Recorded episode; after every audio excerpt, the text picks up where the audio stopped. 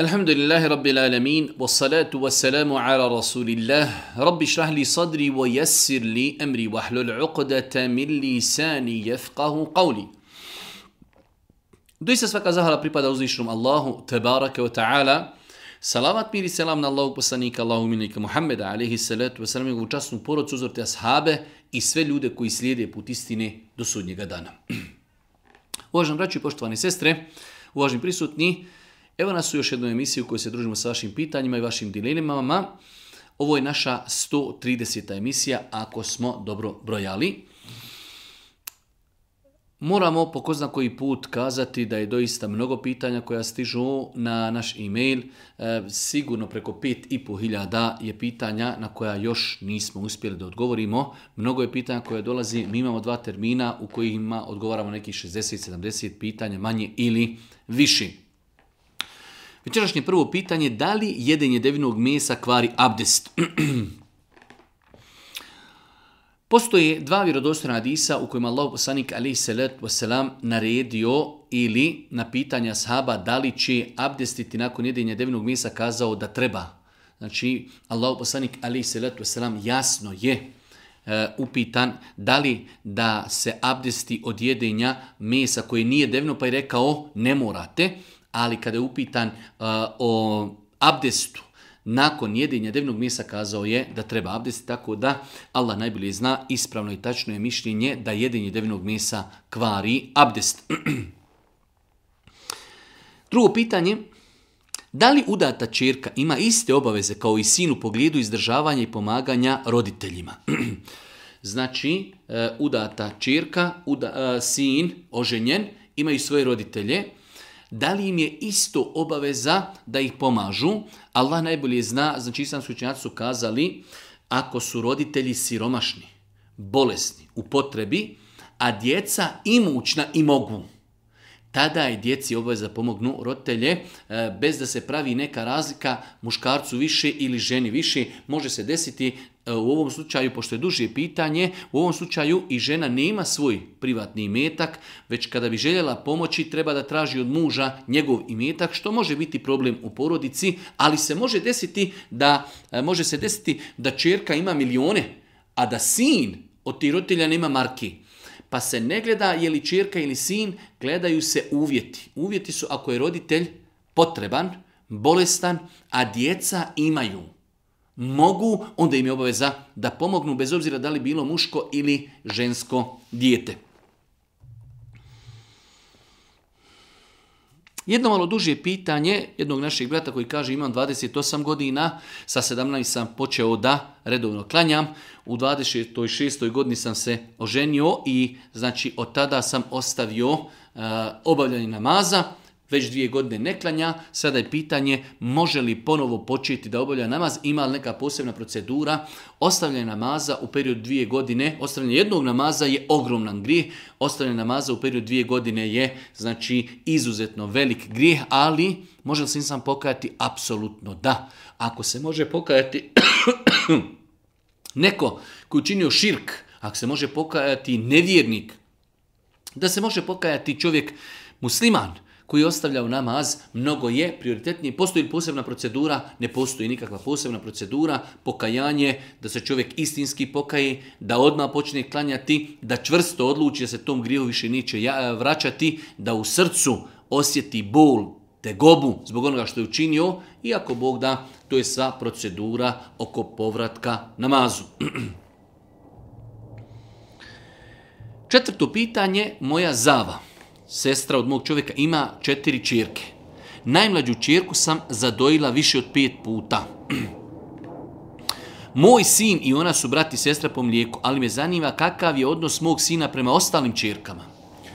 Znači, imamo ženu koja je zadojila jedno dijete od svoje zavi, a ta zava ima četiri čirke.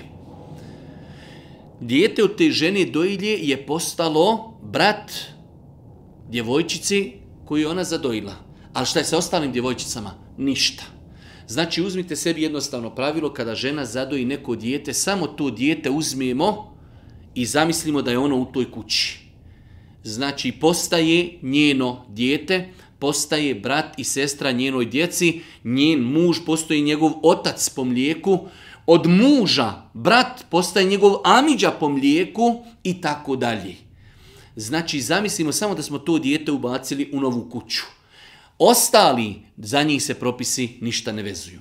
Znači, žena ako zadoji neko dijete, to dijete ima samo posljedice prema njoj, njenoj djeci i ostalim članovima njene porodice, a njeni članovi porodice nemaju nikakve veze sa drugom djecom iz njene, iz njene kuće, osim sa djetetom koje je zadojeno. To je najlakša E, formula kako zapamti propise dojenja. Samo zamislimo da to dijete smo ubacili u tu njenu kuću. Svako koje, znači, ono postaje njeno dijete, ima braću, ima sestre, ima amidžu, ima oca po mlijeku, ima majku po mlijeku, ima djeda po mlijeku i tako dalje. Ostali članovi nemamo sa njima nikakve vezi. Tako da u ovom slučaju, znači, Zava ima četiri čirke, žena je zadojila samo jednu čirku, e, njen sin postaje samo čerci koji je zadojila brat. Ostali čerke, znači, e, nemaju nikakve veze sa njenim djetetom. Niti sa njom. Pitanje oko zikra. Čuo sam par puta da prvo treba po tu zikriti pa proučiti ajtul kursi, a ja radim obrnuto. Da li je to e, greška? E, da, velik broj je kazao kada se zikri posle namaza treba prvo ono proučiti dove, pa 33 puta su vano, Allahu ekber i zadnja stvar da bude ajetul kursi, ali isto tako eh, na bilo koji način kada je u pitanju redoslijed dova posle namaza ništa nije obavezujući. Sam taj zikr i učenje Kur'ana i dova i sura, ništa to nije obavezno. Čovjek kad preda selam, eselamu alikum, eselamu alikum, on je završio namaz. Ako ima obavezu, može odmah krenuti, kao što su to radili ashabi, hadijskoj egzaminima Buharija i Muslim, poslanik predao selam, pa su požurili, izašli oni koji su imali svoje neke obaveze, a onaj ko zikri može zikriti bilo kojim raspor, radu slijedom, znači zikrova ako Bog da nema nikakve greške u tomi.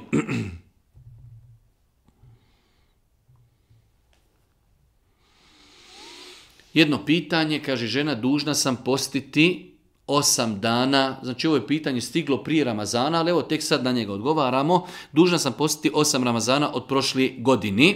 U toku godine, kaže, nisam uspjela ispostiti. Kaže ovdje iz e, čisto dugovlačenje šetanski, e, da kažemo, vesvesa i onda kaže, pa sam se raspitala, komšije su mi rekle da mi, da mi ne mogu ja početi sad postiti u mjesecu Ramazanu jer nisam napostila prošli Ramazan. Znači žena imala osam dana, nije postila i sada dolazi Ramazan koji je bio prije znači dva mjeseca. Pa je ona se raspitala u komšiluku, pa su joj komšije rekle, e ti sad ne možeš postiti Ramazan zato što imaš dana koji nisi napostila. Prvo, propis netačan, drugo, ne pita se za propise u komšiluku. Nije to prodaja kravi, zemlje, kokoši, recept za, lijeko, za, za kolače ili, ili. To je vjera. Kada hoćemo pitati, pitamo školovanu učenu vjeru, e, osobu. Ne možemo pitati komšiluk. Komšiluk nije da se pita za vjeru. Osim ako u komšiluku imamo školovanu, kompetentnu osobu. Pa je znači žena koja ima dane koje nije napostila, ako i ne naposti do Ramazana, u redu, nastupa novi Ramazan, mora postiti, mora postiti. Vidjet ćemo šta ćemo sa danima koje nije napostila, ali dolazi novi Ramazan. Nikad u životu nisam čuo za takav stav, čak i u narodu, da neko kaže, e pošto nisi napostila, ne može sad postiti ovaj Ramazan.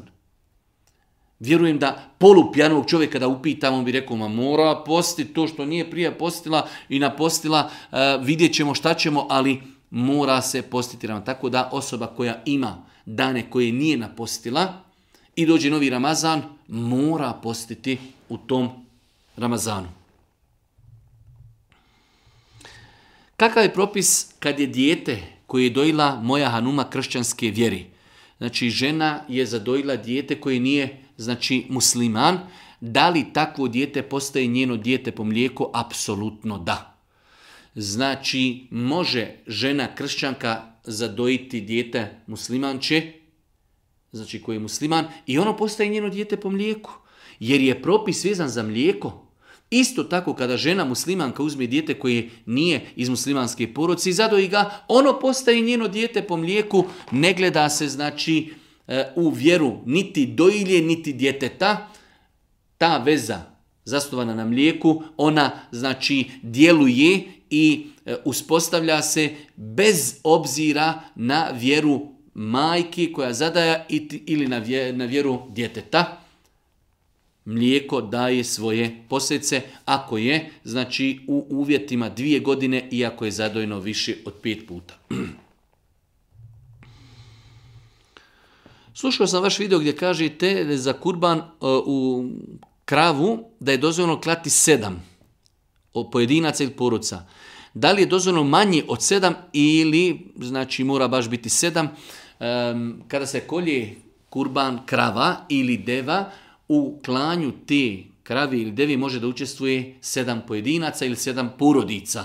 Svako, svaki pojedinac predstavlja jednu porodicu. Ne smije biti više, a može biti manji. Može trojica, može četvorica, može petorica, može šestorica, može sedmorica. Može dvojica ljudi zaklali kravu i popolovili i podijeli kao kurban. Trojica, četvorica, petorica, do sedam. Sedam maksimalno, ne više od sedam, a može manji od sedam.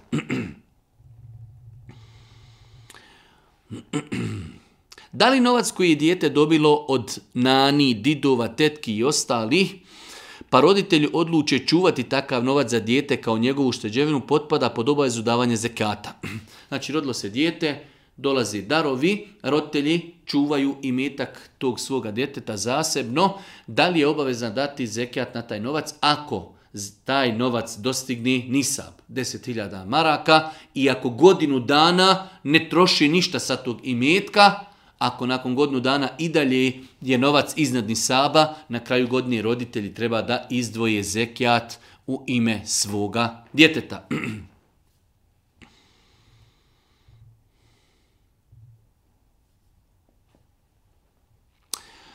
Imam pitanje, u braku sam sa suprugom, vjenčali smo se prije 10 godina, nemamo djeci i tako dalje. Donijeli smo odluku da idemo na vještačku plodnju, da li je to halal i dozvoljeno.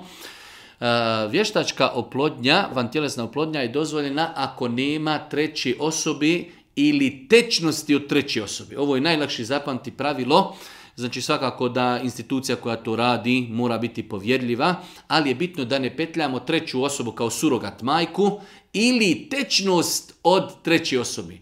Što znači, ako dolazi do uh, e, tjelesne oplodnje između tečnosti muža i njegove supruge, da li će to biti e, ubrizgavanjem u suprugu ili e, oplodnjom, e, znači izvan van tjelesnom oplodnjom, nakon toga ubrizgavanjem u suprugu, sve su to inšala dozvoljene opcije, bitno je da se u van tjelesnu oplodnju ne uključuje treća osoba, niti tečnost muška ili ženska treće osobi.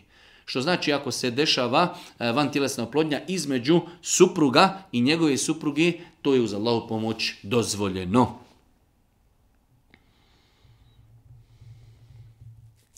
Nakon jacije namaza vidio sam nečistoću na donjem vešu. Mislim da je u pitanju mezig. Nisam znao prije namaza za tu nečistoću, da li trebam ponoviti namaz? Situacija je kada čovjek vidi nakon namaza nečistoću da li na tijelu ili na odjeći, ne iziskuju ponavljanje namaza. Znači, čak kad bi rekli čovjek je znao za tu nečistoću i zaboravio, njegov namaz je validan. Imamo znači situaciju da čovjek može nečistoću vidjeti u namazu, u, nama, u toku namaza, tada mu je obaveza, ako može da ih se skini, da riješi u namazu, kao što je Boži poslanik skinuo papuću. Ako, ako ne može skinuti, sjeti se čovjek da ima na donjem vešu nečistoću. Vidio je, siguran i zaboravio skinuti veš. Počne klanjati, sjeti se, prekinut namaz.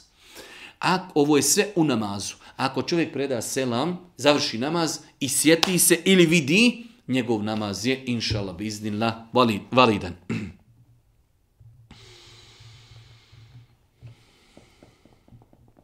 Je li primljen namaz osobe koja klanja u haram kupljenoj odjeći? Od novca koji je zaradio od muzike, kladioncama, kredit i tako dalje. Znači osoba je zaradila haram novac, kupila odjeću i klanja u toj odjeći. Je li namaz validan? Apsolutno da. Zašto? Zato što su to dvije odvojene stvari. Nama je Allah Žešanu propisao namaz i naredio nam pokrivanje avreta mi treba da pokrimo avrete onim što je halal. Ali ako mi pokrimo onim što je haram, to je zasebna stvar. Ali Mi smo pokrili avrete, nama je namaz bitan da budu pokriveni avrete. Ovo nikako ne znači omalovažavanje grijeha. E, kupiti odjeću od novca kojih smo stekli na, na kamatu ili na, u kladioncama, mi o tom, to je haram, završena stvar. Ali mi govorimo o namazu.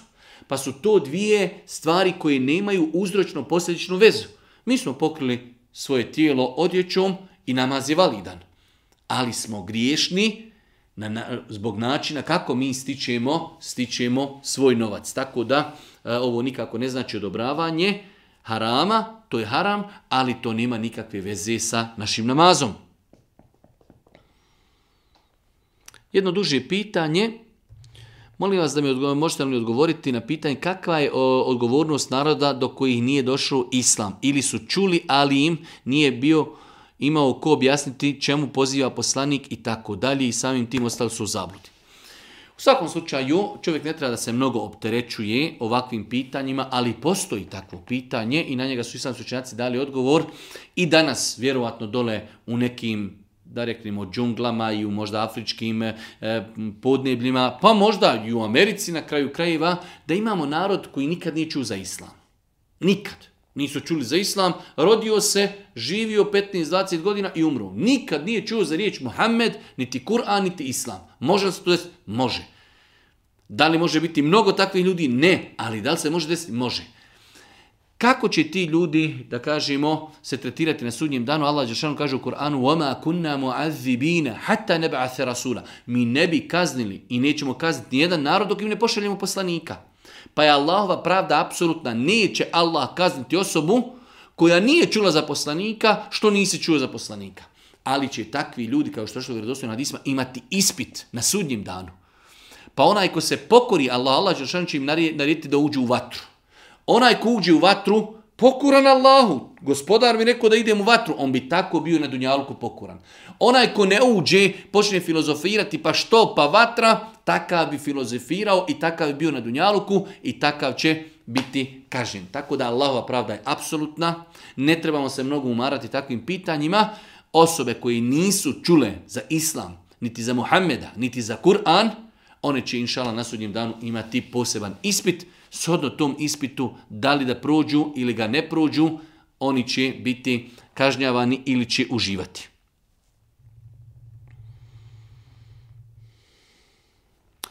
Da li nam je dozvan koristi objekat za koji znamo da je kupljen na kredit? Da šaljemo djecu da treniraju neki sport slično. Radi se o kupovini islamskog objekta koji je kupljen na kredit. Kada je u pitanju kupovina objekata u kojima će se robovati Allah subhanahu e, ljudi koji vode organizacije, džemate, trebaju da se trude da takve objekte kupuju na halal dozvoj način. Nelogično je, ali eto, mi živimo u vremenu čuda. E, nelogično da mi kupujemo džamiju kamatom i tu ćemo klanjati. Robujemo Allahu, a taj gospodar nam zabranjuje da uzmemo kamatu, a mi uzimamo kamatu da kupimo džamiju pa ćemo u njoj klanjati. Nelogično. Ali evo, neko je to odobrio i neko kaže logično je.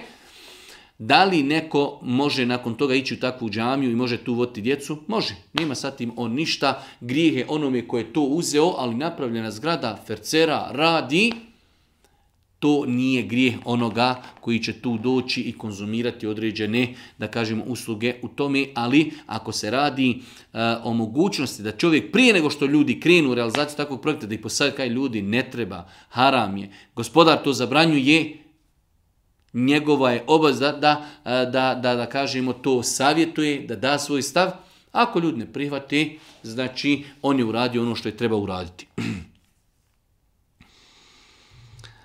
Jedno pitanje u vezi vesvesa čovjek kaže Često mi se dešava kad razmišljam o islamu, dođu mi ružne misli kao da neko čita moje misli, da li mi možete reći da li su to vesvese, da li šetan može čitati ljudske misli i tako dalje. Da li su to vesvese? Apsolutno da. Znači kada čovjeku dolazi loše misli pa razmišlja loše o Allahu, o poslaniku, e, o propisima i tako dalje, od čega je to? Apsolutno od šeitana, vesvese. Da li šeitan može E, da kažemo, prodrijeti i znati čovjekove misli, to je jedno pitanje o kojem su islamski učenjaci govorili dugo i naširoko. Ono što znamo jeste da je uticaj šetana čovjeka velik.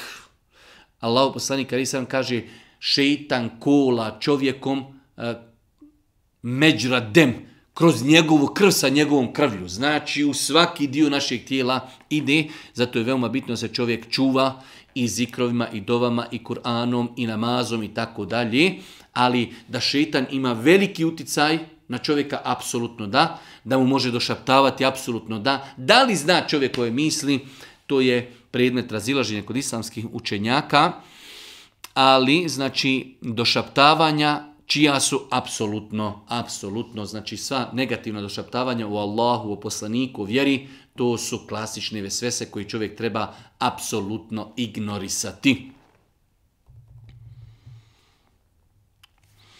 Jedna osoba mi je rekla da sabah namaz u džematu ima vrijednost obavljanja hađa. Da li je to vjerodostojno? Nije mi poznato da postoji argument koji potvrđuje da osoba koja klanja namaz u džematu ima nagradu hađa. Sabah namaz u džematu. Postoje, možda je neko pogrešno razumio, postoje hadisi u pogledu koji postoji razilaženje, da je Allah poslani kazao ko klanja sabah namaz, pa ostani u džamiju koju klanja klanjao sabah, zikriti do izlaska sunca, pa klanja dva rekiata, ima nagradu, hađa i umri potpuno, potpuno, potpuno. U pogledu toga hadisa postoji razilaženje kod islamskog učenjaka, to je nešto što ima nagrada hađ umra, ali sam dolazak na sabah namaz, svakako da je nagrada sve, pitanje da li postoji argument koji ukazuje e, da ima nagrad odlaska na hađ, nije mi poznat takav dokaz.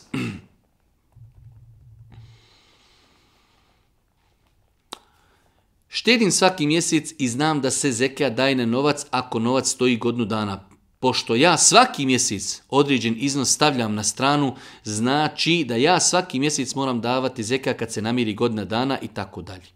U svakom slučaju to je jedna klasična standardna štednja. E, mi u takvim slučajevima kažemo sljedeće. Znači da bi obaveza bilo izdvojiti zekat, treba da dostignemo nisab. Hvala Allah, Đeršanu, islamska zajednica e, prati i na vrijeme određuje koliki je nisab. Otprilike to je neki 10.000 maraka. Ako dostignemo nisab, i taj nisab tokom cijele godine nije nikada padao ispod nisaba. Na kraju godine mi smo obavezni izdvojiti 2,5% iz tog našeg novca. E sad, to je osnovni propis. Čovjek kaže, da, godinu dana sam čekao, ali svaki mjesec sam ja još pomalo dodavao. ima 80 sada imam 12. Moj savjet takvim osoba je da na kraju godine daju zekat na 12.000. Da, bit će tu novca, koji prije mjesec dana dodat na tu njihovu gomilu i nije obaveza na njega izdvojiti. Ali će onda oni tokom cijele godine svaki mjesec dana morati evidentirati koliko su dodali i na taj dodatni novac izdvajati zekijat. Što je izuzetno komplikovano i naporno. Mnogo je lakše na kraju godine koliko imam 12.000 izdvojim iz toga e, znači zekijat. Biće tu novca za koji sam dao zekijat unaprijed. Jeste, to je dozvoljeno, nije mi obaveza, ali mi je lakši. Tako da u takvim slučajima gdje ljudi šparaju i štede i svaki mjesec se njihov novac pomalo povećava, kada dođe pregodinjavanje, tada će dati zekat na svu svotu koju imaju, bit će tu novca koji nije pregodinio, u moraju evidentirati kada su šta dodali na tu svotu i posebno na taj dodatak izvajati zekat, što je mnogo komplikovano, ali ako im to nije komplikovano, islam ih ne duži da daju zekijat na novac koji još nije pregodinio. Je li grije rezati ocu mezu dok on pije alkohol? Čovjek pije alkohol i mi mu donosimo hranu da bi on mogao konzumirati alkohol. Da li je to grijeh? Apsolutno da. Allah Žešan kaže وَتَعَوَنُوا عَلَى الْبِرِّ وَتَقْوَا Potpomažite se u dobročinstvu i bogobojaznosti. وَلَا تَعَوَنُوا عَلَى الْإِثْمِ وَالْعُدْوَانِ I nemojte se pomagati u grijesima i u uh, e, udvan, da budete jedni prema drugi neprijateljski raspoloženi. Neprijateljstvo ako mi nekom režimo meso koje on konzumira zajedno s alkoholom, šta je to dopomaganje njega u njegovom pinju alkohola? Tako da insan će znači lijepo pojasniti svom roditelju da kada konzumira alkohol da mu on neće niti rezati meso niti bilo kakvu drugu hranu donositi zato što je to potpomaganje u grijehu.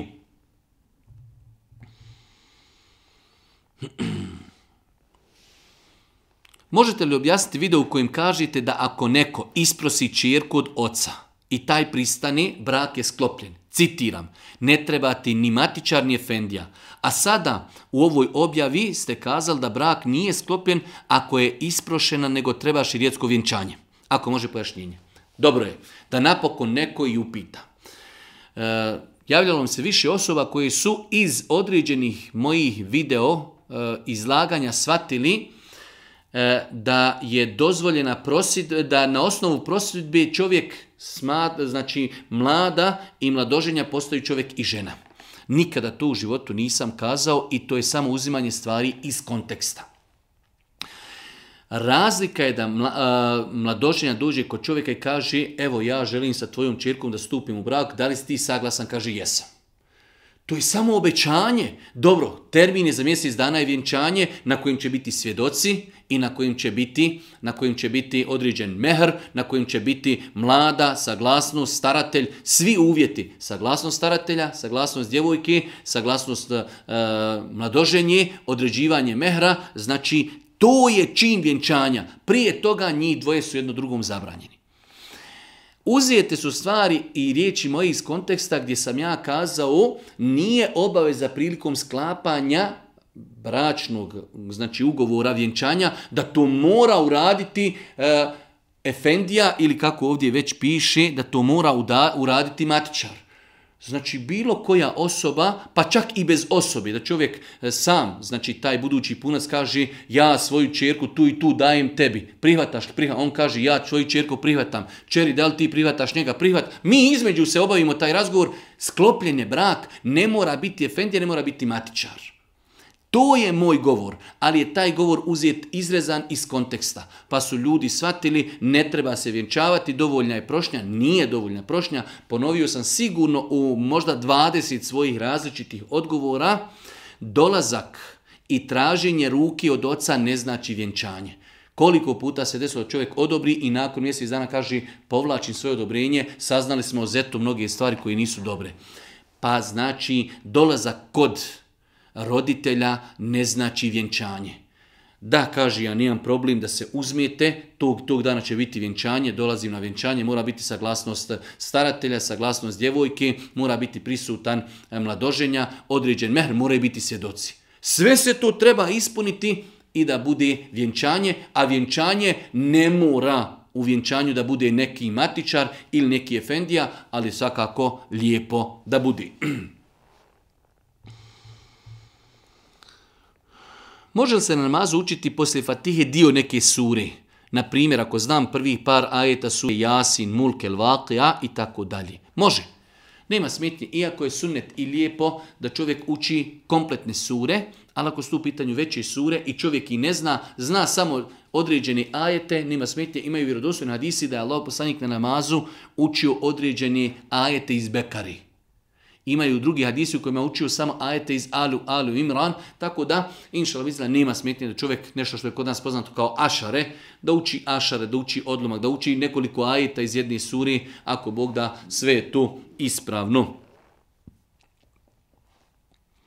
Obzirom da se čovjek u namaz ne prima 40 dana nakon što se napije alkohola, iako mora klanjati i tako dalje, da li se to odnosi i na konzumiranje droge, maruhane, E, i trava i ostaloga.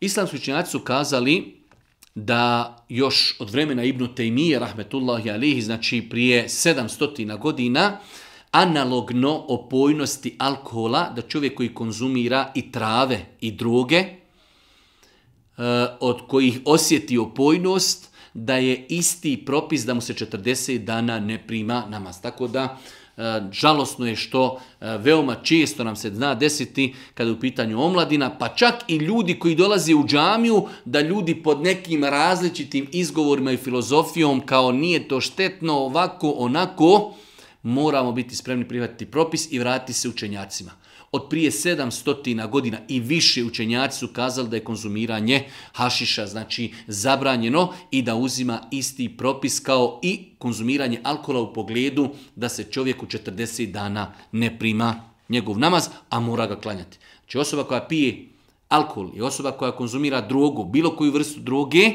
mora klanjati namaz, a namaz mu se ne prima 40 dana.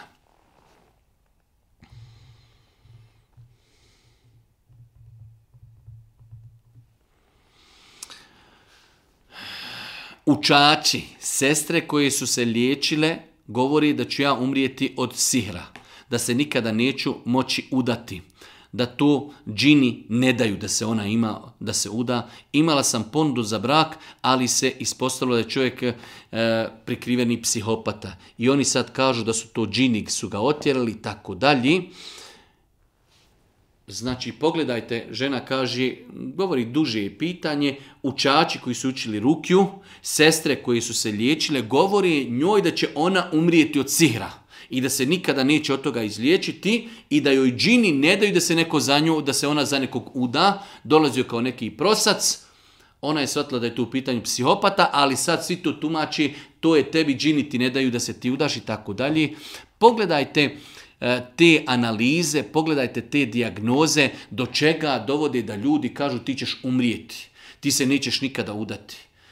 I liječnici, i sestre, i braća trebaju na, na osobe koji imaju problema da gledaju pogledom optimizma. Možeš, nije to ništa krupno, Allah će te izliječiti, Allah će te pomoći i udaćeš se i živjet ćeš sretno i rodit ćeš djecu, budi pokorna, nosi hijab, klanjaj redovno namaz, strpi se u ime Allaha, nije to ništa krupno.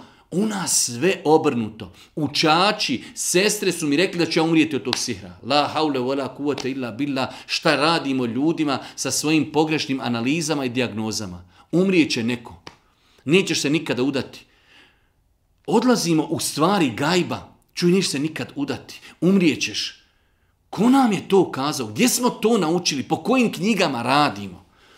Zato je ovo moj poziv i braći i sestrama, učačima ruke, da na pitanje bolesnika gledaju optimistično. I kada ima problem, bolje je, kvalitetnije da čovjek kaže, Jes problem, ali nije toliko krupan, potrudi se, osloni se na Allaha, strpi se, pokušaj, zikri, klanjaj namaz, udaj se, živjećeš, ćeš, nije ovo ništa strašno, bilo je težih slučajeva od tebe trebamo s pogledom optimizma nastupati prema ljudima koji su, koji su bolesni, da ne govorimo o šerijetskim prekršajima, da kažemo da se neko neće udati, da će neko umrijeti, to, to je haram govor. Ulaženje u gajb kojeg mi ne znamo.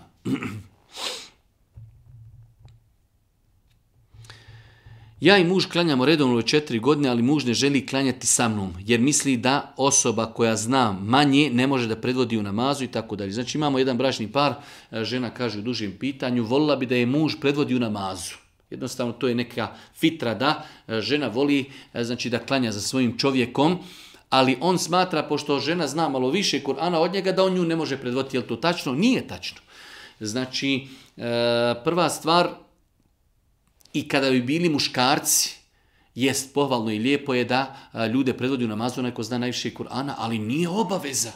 Ako bi čovjek znao pet sura, drugi zna 55. I ovaj koji zna pet sura, ako bi ljude predvodio namazu, namaz je validan. To ako bi se radilo muškarcima. U slučaju muža i ženi, žena ne može nikako predvoditi čovjeka. Nikako. Kad bi čovjek znao samo dvije sure, a žena znala 62, on će opet predvoditi njih dvoje u namazu. Tako da, znači, nema nikakve smetnje da muž bez obzira što zna manje sura znači iz Kur'ana na pamet, da predvodi svoju suprugu u džematu, da klanjaju zajedno, pogotovo što je to želja njegove supruge da zajedno klanjaju, svakako da treba to i iskoristiti. Znači, to pitanje, e, imam jednog starijeg čovjeka, prijatelj, koji je pobožan i vjernik je veliki, ali ograđiva se oko hadisa i kaže postoji samo Kur'an časni i kako takve ljude uvjeriti da je e, hadis sastavni dio islama i tako dalje. U svakom slučaju, to što je neko stari i što je poboža ne znači da ima znanja.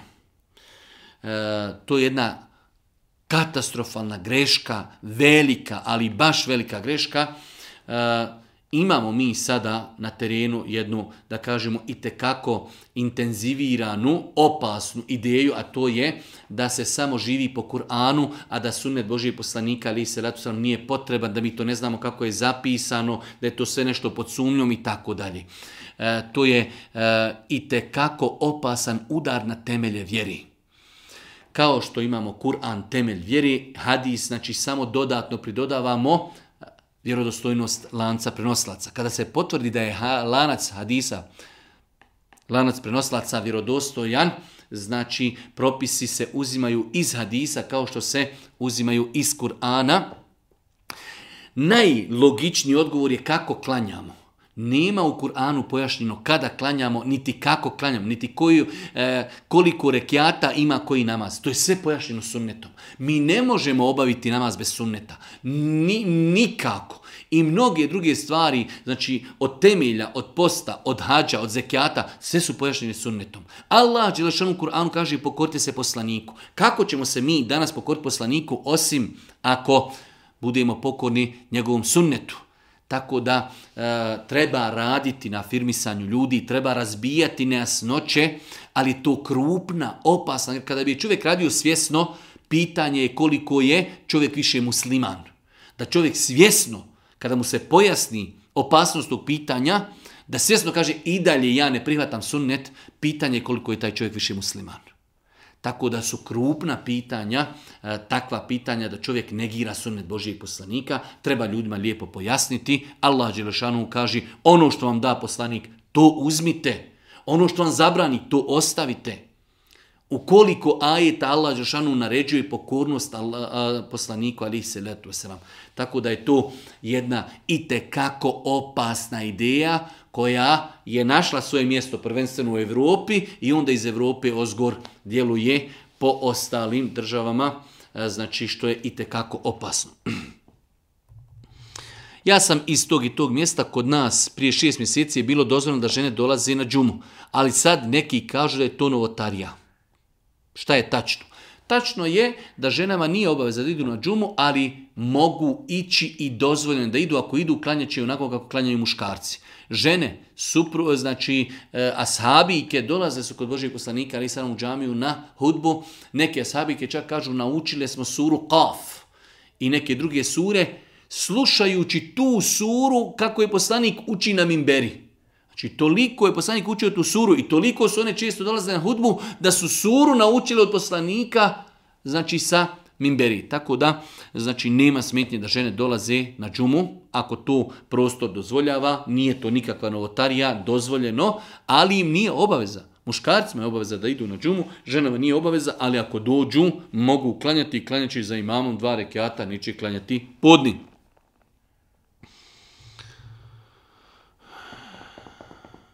Da li je dozvoljeno da muškarac koji ima do godina, koji se bavi biznisom, E, uđe u auto sa dvije žene kojima on nije mahrem iz poslovnih razloga.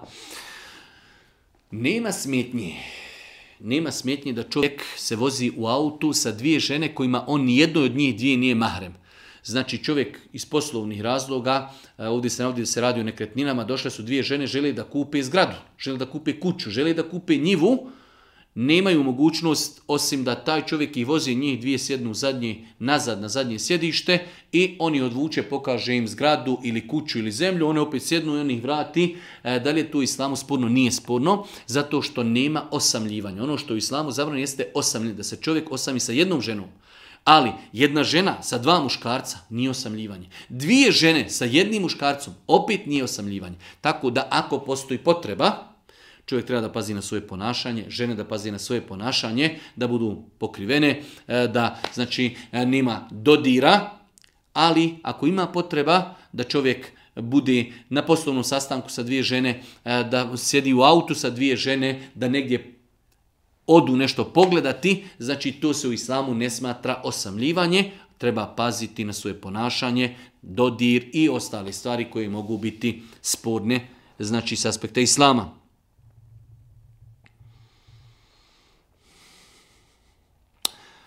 Ehm, uskoro je svadba mog brata i tako dalje.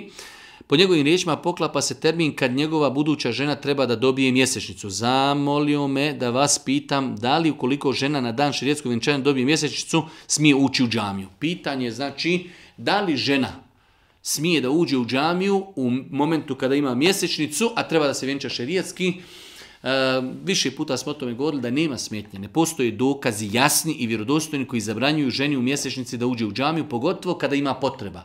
Ulazak ženi da bi se vjenčala je potreba, tako da inšalavizila nema nikakve smetnje da žena svakako da će se lijepo zaštiti higijenskim ulošcima, da ne daj Bože prilikom ulaska u džamiju, sjedanja eh, na tepihe, da ne daj Bože E, ne bi došlo do, do, do izlaska krvi, da ne, ne, ne e, tepih i nešto slično. To mi e, zaštitit će se lijepo i inšala bizna nije griješna zbog ulaska u džamiju u periodu dok ima mjesečnicu. 28. pitanje, da li može muškarac jedan biti mahrem prilikom odlaska na hađ za dvije osobe, za ženu i za sestru? Znači imamo čovjeka, želi da ide na hađ i njegova supruga bi išla i njegova sestra on je mahrem svojoj ženi zato što je joj muž, a svojoj sestri zato što mu je ona sestra. Da li on kao jedna osoba može biti mahrem za dvije osobe ili za svaku osobu mora biti po jedan mahrem? Ne mora. Može jedan čovjek voditi 15-20 žena i svoje rodbine kojima je on mahrem. Svoje sestre, majku, e, znači suprugu i tako dalje. Bez obzira koliki broj, bitno je da svaka žena ima jednog muškarca, znači a jedan muškarac može biti može biti mahrem svim tim ženama. Tako da e, nema smetnje. Znači rezime odgovora je ako na put idu dvije ili tri žene imaju samo jednog mahrema, ali on svima njima mahrem, svakoj pona osobi je mahrem, da li ona svaka treba od njih pona osob da ima po jednog mahrema? Ne. Jedan mahrem može biti mahrem za više osoba ako je svakoj od, od njih mahrem.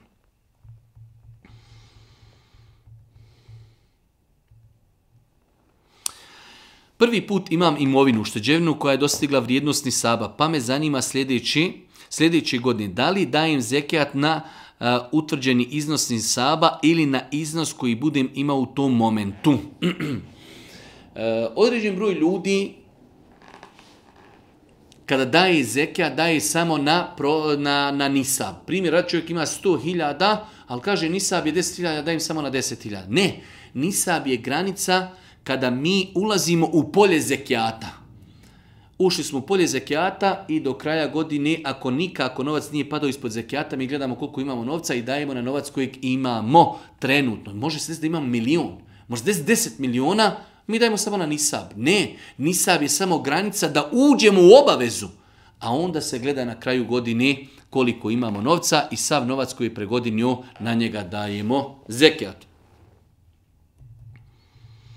30. pitanje, da li je dozvoljno bušiti uši djevojčicama, odnosno da li je inače dozvoljeno da žene nose naušnice? Nema smetnje, nema smetnje, inače e, ljudsko tijelo ima svoju svetost i bilo kakvo rezanje ili da kažemo e, bušenje tijela u osnovi je zabranjeno, ali to su e, određeni, da ih nazovemo izuzeci i potrebe.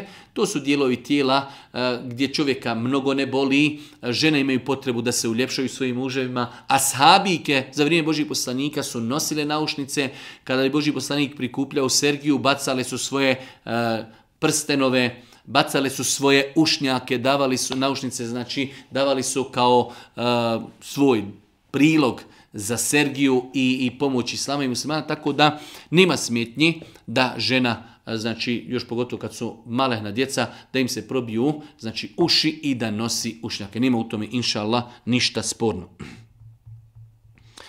Pročitala sam da ste napisali kako je najbolje sam sebi učiti rukju.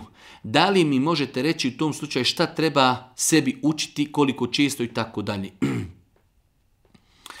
U svakom slučaju, e, da, osnova islama, islama jeste da čovjek sam sebi uči rukiju. Ako pogledate u život Božijeg poslanika ili ashabe, nećete vidjeti da kaže, e ovaj čovjek uči ruke i njemu se ide. Svako sebi uči rukiju. Ali ako ima potreba, vidimo da ne možemo sami sebi pomoći, da nam neko prouči rukju. Tako da, e, znači, osnova je da sami sebi učimo rukju. Postoje li određeni ajeti posebni? Ne, nešto posebno. Čovjek može učiti sebi kul fela, kul nas, kul fatihu, ajetul kursi. Sve je to dozvoljeno i sve su to posebno e, određene dobre i sure i ajeti. Ajetul kursi, fatiha, felek, nas, kul huvalla. E, preporučujem e, u ovom e, momentu knjigu doktora Safeta Kuzovića Poslanička medicina gdje je on na kraju knjige spomenuo i odabrao određene ajete koje je lijepo učiti prilikom učenja rukije, da li sebi, da li drugima. Tako da to je, ajde da kažemo, jedna dodatna korist. Znači da imamo odabrane određene ajete za koje su određeni učači ruke kazali da su dodatno korisni prilikom učenja ruki. Posljednje 32. pitanje. Kada muškarac i žena postaju punoljetni u islamu? Veoma bitno pitanje na koje se nadovezuje mnogo, mnogo drugih pitanja. Onog momenta kada čovjek ili žena postanu punoljetni, postaje namaz obavezan, ženi postaje hijab, post, harami i tako dalje. Tako da je veoma bitno da svaki musliman, roditelj, dijete da znaju kako, kako i na koji način osoba postaje punoljetna. E, kad su u pitanju muškarci, e, prva stvar e, znači polucija, da čovjek u snu doživi poluciju, to je pokazatelj da je punoljetan. Druga stvar, napunjavanjem 15 godina. U pogledu ovoga postoji razilaženje, ali jedno od najjačih mišljenja jeste da osoba koja napuni 15 godina da je punoljetna, pojava grubi dlaka oko stidnih dijelova tijela. Znači svaki insan na svim dijelovima tijela skoro ima blage dlakice. Ali pojava grubih dlaka koje dodatno izrastaju, koje su jačije, nisu to klasične male dlačice, već su znači, dlake e, vidno razlikuju od ostalih dijelova tijela. Pojave tri dlaka je pokazatelj da je insan već u fazi punoljetstva. Kod žena uz ove tri stvari se dodaje i hajz. Znači žena prvi put kada dobije mjesečnicu hajz, ona je od tog momenta punoljetna i veoma je bitno da znamo ovi e, načine i metode kako se određuje punoljetstvo, jer smo rekli od punoljetstva počinje obaveza namaza, zekijata, posta, zekijat, čak ako čovjek ima i metak, znači mora ga davati i prije punoljetstva, ali znači hijab, post, hađ i mnogi, mnogi drugi propise vezuju znači za punoljetstvo, tako da rekli smo e, polucija u snu, 15 godina punih pojava e, posebnih i znači jakih, grubih dlaka oko stini dijelova tijela i kada je u pitanju žena pojava mjesečnice. Znači sve su to pokazatelji punoljetstva i ne moraju se ispuniti svi ovi znači uvjeti dovoljno da se jedan prepozna žena dobije mjesečnicu samo u 13. godini ona je postala šedjetski punoljetna obaveza je da klanja namaz, da nosi hijab i tako dalje. Uzvišno Allah nam molimo da nam podari korisno znanje, da nas na putu istine i na kraju subhaneke. Allahumma da bihamdike, šedu in la ilaha in stakfiruke, wa etubu ilaik.